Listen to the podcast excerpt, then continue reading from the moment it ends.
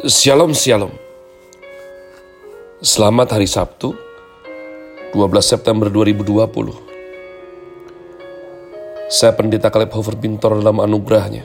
Penuh sukacita sampaikan pesan Tuhan melalui program Chris Words yakni suatu program renungan harian yang disusun dengan disiplin. Kami doakan dengan setia supaya makin dalam. Kita beroleh pengertian mengenai iman, pengharapan, dan kasih yang terkandung dalam Kristus Yesus. Sungguh merupakan kerinduan saya bagi saudara sekalian agar supaya kasih dan kuasa firman Tuhan setiap hari tiada pernah berhenti menjamah hati kita. Menggarap pola pikir dan paling utama, hidup kita secara nyata boleh berubah. Makin serupa kepada Kristus Yesus. Masih dalam season autumn dengan tema promoting Chris Word hari ini saya berikan judul Passion of Christ bagian yang kedua. Passion of Christ bagian yang kedua. Mari kita lanjutkan komitmen baca kitab suci hingga habis yang mana sesuai agenda. Hari ini adalah dua Tawarikh pasal 35. Dua Tawarikh 35 Yosia merayakan Paskah. Kemudian Yosia merayakan Paskah bagi Tuhan di Yerusalem. Domba Paskah disembelih pada tanggal 14 bulan yang pertama. Ia menetapkan tugas para imam dan mendorong mereka menunaikan tugas jabatannya dalam rumah Tuhan. Berkatalah ia kepada orang-orang Lewi yang adalah pengajar seluruh Israel dan orang-orang kudus Tuhan tempatkanlah tabut kudus itu di dalam rumah yang telah didirikan Salomo bin Daud Raja Israel.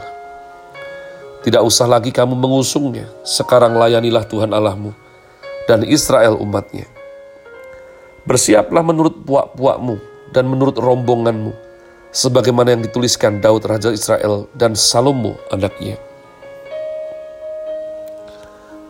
Berdirilah di halaman tempat kudus menurut golongan puak saudara-saudaramu yang lain, yakni kaum awam, dengan satu rombongan puak orang Lewi untuk tiap golongan saudara-saudaramu itu. Sembelihlah domba Paskah, kuduskanlah dirimu, dan adakanlah persiapan bagi saudara-saudaramu, supaya dilakukan apa yang difirmankan Tuhan dengan perantaraan Musa. Yosia menyumbangkan kepada kaum awam sejumlah 30 ribu ekor kambing domba, yakni domba-domba dan kambing-kambing jantan yang muda, semuanya sebagai korban paskah bagi semua orang yang hadir. Selain itu disumbangkannya 3000 ekor lembu, semuanya itu dari harta milik raja. Juga para panglimanya memberi sumbangan sukarela kepada rakyat, para imam, dan orang-orang Lewi Kemudian Hilkia, Zakaria, dan Yehiel, para pemuka rumah Allah, memberi kepada para imam 2.600 ekor kambing domba sebagai korban paskah, dan selain itu 300 ekor lembu.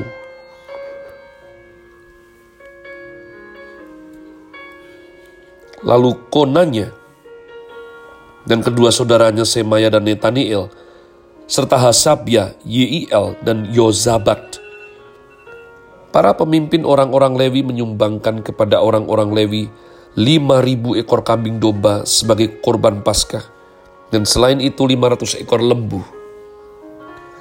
Setelah ibadah, upacara ibadah disiapkan, berdirilah para imam pada tempatnya, dan orang-orang Lewi menurut rombongannya sesuai dengan perintah raja. Maka disembelihlah domba Paskah, dan para imam menyiramkan darah yang mereka terima dari orang-orang Lewi, sedang orang-orang Lewi menguliti domba itu. Tetapi mereka memisahkan korban bakaran untuk diserahkan kepada kaum awam menurut golongan puak mereka, supaya dipersembahkan kepada Tuhan sebagaimana tertulis dalam kitab Musa. Demikian pula dilakukan mereka dengan lembu-lembu. Kemudian mereka memasak domba paskah di atas api sesuai dengan peraturan, sedang persembahan-persembahan kudus mereka masak dalam kuali, belanga, dan pinggan. Lalu membawanya cepat-cepat kepada segenap kaum awam. Kemudian mereka menyediakannya bagi dirinya dan bagi para imam. Karena para imam, yakni anak-anak Harun, sampai malam hari sibuk mempersembahkan korban bakaran dan segala lemak. Oleh sebab itu orang-orang Lewi menyediakan bagi dirinya dan bagi para imam, yakni anak-anak Harun. Para penyanyi, yakni Bani Asaf, ada pada tempat mereka sesuai dengan perintah Daud Asaf, Heman, dan Yedutun pelihat raja itu. Juga para penunggu pintu gerbang ada pada tiap-tiap pintu gerbang. Mereka tidak usah meninggalkan tugas mereka, karena saudara-saudara mereka, orang-orang Lewi menyediakannya untuk mereka. Demikianlah seluruh upacara ibadah bagi Tuhan disiapkan pada hari itu untuk merayakan Paskah dan untuk mempersembahkan korban bakaran di atas mesbah Tuhan sesuai dengan perintah Raja Yosia. Pada waktu itu orang Israel yang hadir di situ merayakan Paskah dan hari raya roti tidak beragi selama tujuh hari. Paskah semacam itu tidak pernah lagi dirayakan di Israel sejak Nabi Samuel. Seorang pun di antara raja-raja Israel tidak pernah merayakan Paskah seperti yang dirayakan Yosia dengan para imam dan orang-orang Lewi dengan seluruh orang Yehuda dan Israel yang dapat hadir, dan dengan penduduk Yerusalem. Paskah itu dirayakan pada tahun ke-18 pemerintahan Yosia. Ayat 20, Yosia dibunuh oleh Neko. Kemudian daripada semua ini, setelah Yosia memperbaiki rumah Tuhan, majulah Neko, Raja Mesir. Hendak berperang di Karkemis, di tepi sungai Efrat, Yosia keluar menghadapinya. Ia mengirim utusan kepada Yosia dengan pesan, Apakah urusanku? Apakah urusanmu dengan aku, Raja Yehuda? Saat ini aku tidak datang melawan engkau, tetapi melawan keluarga raja yang sedang kuperangi. Allah memerintahkan aku supaya segera bertindak. Hentikanlah niatmu menentang Allah yang menyertai aku, supaya engkau jangan dimusnahkannya tetapi Yosia tidak berpaling daripadanya melainkan menyamar untuk berperang melawan dia. Ia tidak mengindahkan kata-kata Neko yang merupakan pesan Allah. Lalu berperanglah di lembah Megiddo. Maka pemanah-pemanah menembaki Raja Yosia dan Raja berseru kepada orang-orangnya, Bawa aku dari sini karena aku luka parah. Orang-orangnya mengangkatnya dari keretanya, lalu mengangkutnya dengan kereta cadangannya lalu membawanya ke Yerusalem. Kemudian matilah ia. Lalu dikuburkan di pekuburan nenek moyangnya. Seluruh Yehuda dan Yerusalem berkabung karena Yosia. Yeremia membuat suatu syair ratapan mengenai Yosia. Dan sampai sekarang ini semua penyanyi laki-laki dan penyanyi perempuan menyanyikan syair-syair ratapan mengenai Yosia. Dan mereka menjadikan itu suatu kebiasaan di Israel Semuanya itu tertulis dalam syair-syair ratapan. Selebihnya dari riwayat Yosia dan perbuatan-perbuatannya yang saleh, yang sesuai dengan yang ada tertulis dalam Taurat Tuhan, yakni riwayatnya dari awal sampai akhir.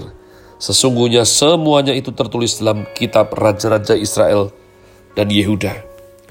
Umat Tuhan membaca Raja Yosia membuat kita belajar passion of Christ, hasrat untuk benar di hadapan Tuhan. Hasrat untuk mengenal Tuhan. Hasrat untuk taat kepadanya. Kalau dilihat, Yosia tidak mengalami mujizat seperti raja lain yang sayang Tuhan. Raja Daud tidak pernah kalah dalam pertempuran. Raja Salomo diberkati Tuhan begitu limpahnya. Yosia tidak umat Tuhan bahkan akhirnya mati, sebab dia tidak bisa membedakan mana kehendak Allah, mana yang bukan. Tapi ketahuilah, Yosui, Yosia dikuburkan bersama nenek moyangnya. Ini artinya suatu, suatu perkenanan Tuhan. Apa yang kita cari? Kalau kita ibadah saja, terganggu oleh karena AC kurang dingin. Kalau kita tidak bisa kusuk dengan penyembahan dengan saat teduh, pasti pada saat-saat online seperti ini, kena sekali umat Tuhan. Banyak orang saya lihat yang sayang Tuhan di masa Corona Academy ini. Makin sayang Tuhan walaupun hidupnya sulit. Tapi yang memang dasarnya belum sayang Tuhan, tidak mengerti, dia akan makin jauh. Bahkan dia tinggalkan ibadah. Hidup kembali seperti dulu lagi. Saya sungguh berdoa supaya ada kerinduan di hati kita ini kita melakukannya bukan untuk minta mujizat, melakukannya bukan karena minta berkat, berharap doa kita dijawab. Itu semua tidak salah umat Tuhan. Tapi bukan itu. Kalau membaca Yosia, Yosia tidak dikepung musuh. Yosia tidak mengalami mujizat seperti luar biasa yang dialami orang-orang lain, raja lain. Tapi toh demikian, dia merayakan Paskah dengan hebat sekali dia berusaha sungguh-sungguh hidup seperti Raja Daud nenek moyangnya. Dan bahkan dikatakan tidak ada yang merayakan Paskah seperti ini sejak daripada Nabi Samuel. Berarti bahkan Raja Daud pun, Raja Salomo pun lewat. Masihkah kita sayang Tuhan? Jika doa kita belum dijawab. Jika kita ada dalam mara bahaya, situasi terhimpit yang sulit Apakah sungguh Tuhan Yesus dan hanya Tuhan Yesus itu cukup untuk kita? Saya berdoa engkau sungguh mengerti mengenai hal ini. Dan kita beroleh perkenanan Tuhan. Have a nice day. Tuhan Yesus memberkati saudara sekalian. Sola. Grazie.